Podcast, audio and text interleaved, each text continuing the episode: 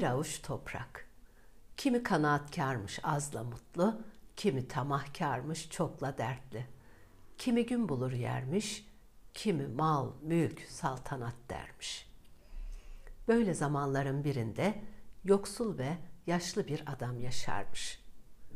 Adam balıkçılık yaparak ailesini geçindirirmiş. Bir gün sabahleyin erkenden kalkmış, ırmağa gitmiş. Oltasını çıkarmış, ya Bismillah deyip suya bırakmış. Adam nasibini bekleye dursun, o ülkenin bir de padişahı varmış. Padişah halkının durumunu vezirlerine sorar, onlar da iyidirler sultanım derlermiş. Ama padişah kendi gözleriyle halkının durumunu görmek istemiş. Kılık değiştirmiş, kimseye haber vermeden saraydan çıkmış. Çarşı pazar gezinmiş, insanlarla konuşmuş, kimse padişahı tanımamış. Gezinirken padişahın yolu ırmağa düşmüş. Irmağın kenarında oturan temiz yüzlü, giysisi yamalarla dolu yaşlı adamı görünce selam verip yanına oturmuş. Nasılsın bey baba? Durumun nasıl? Nasıl olsun be oğlum? Attım oltamı, rızkımı bekliyorum.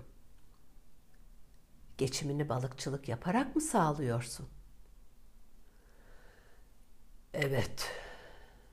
Birkaç balık tutabilirsem eve götürüp ailemle karnımızı doyuracağız. Gerçi zamanın padişahı saltanat içerisinde yaşarken bizim durumumuzu bilmez görmez. Padişah bunu duyunca üzülmüş.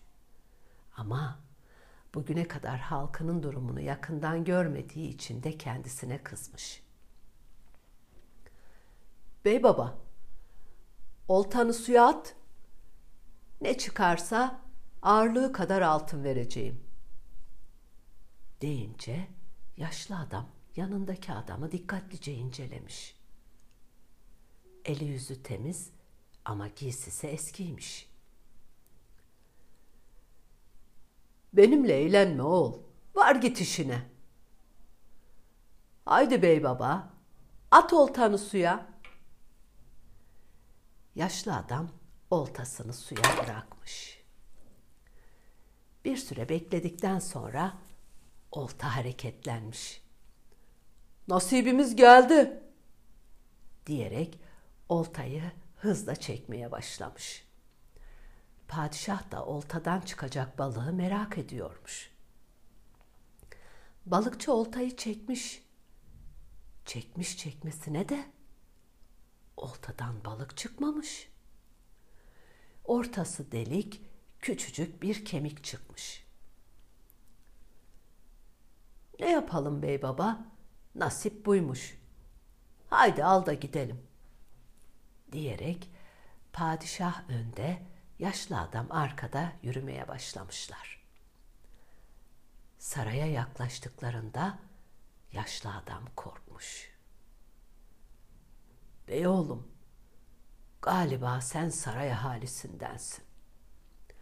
Ben biraz önce padişah hakkında ileri geri konuştum. Kusura bakma. Beni bırak da gideyim oğlum. Yok bey baba, sen haklıydın. Bugüne kadar halkın durumunu saraydakilerin söylediğinden öğrendim. Sen benim aklımı başıma getirdin. Korkma, ben padişahım. Haydi gel benimle. Diyerek saraya girmişler.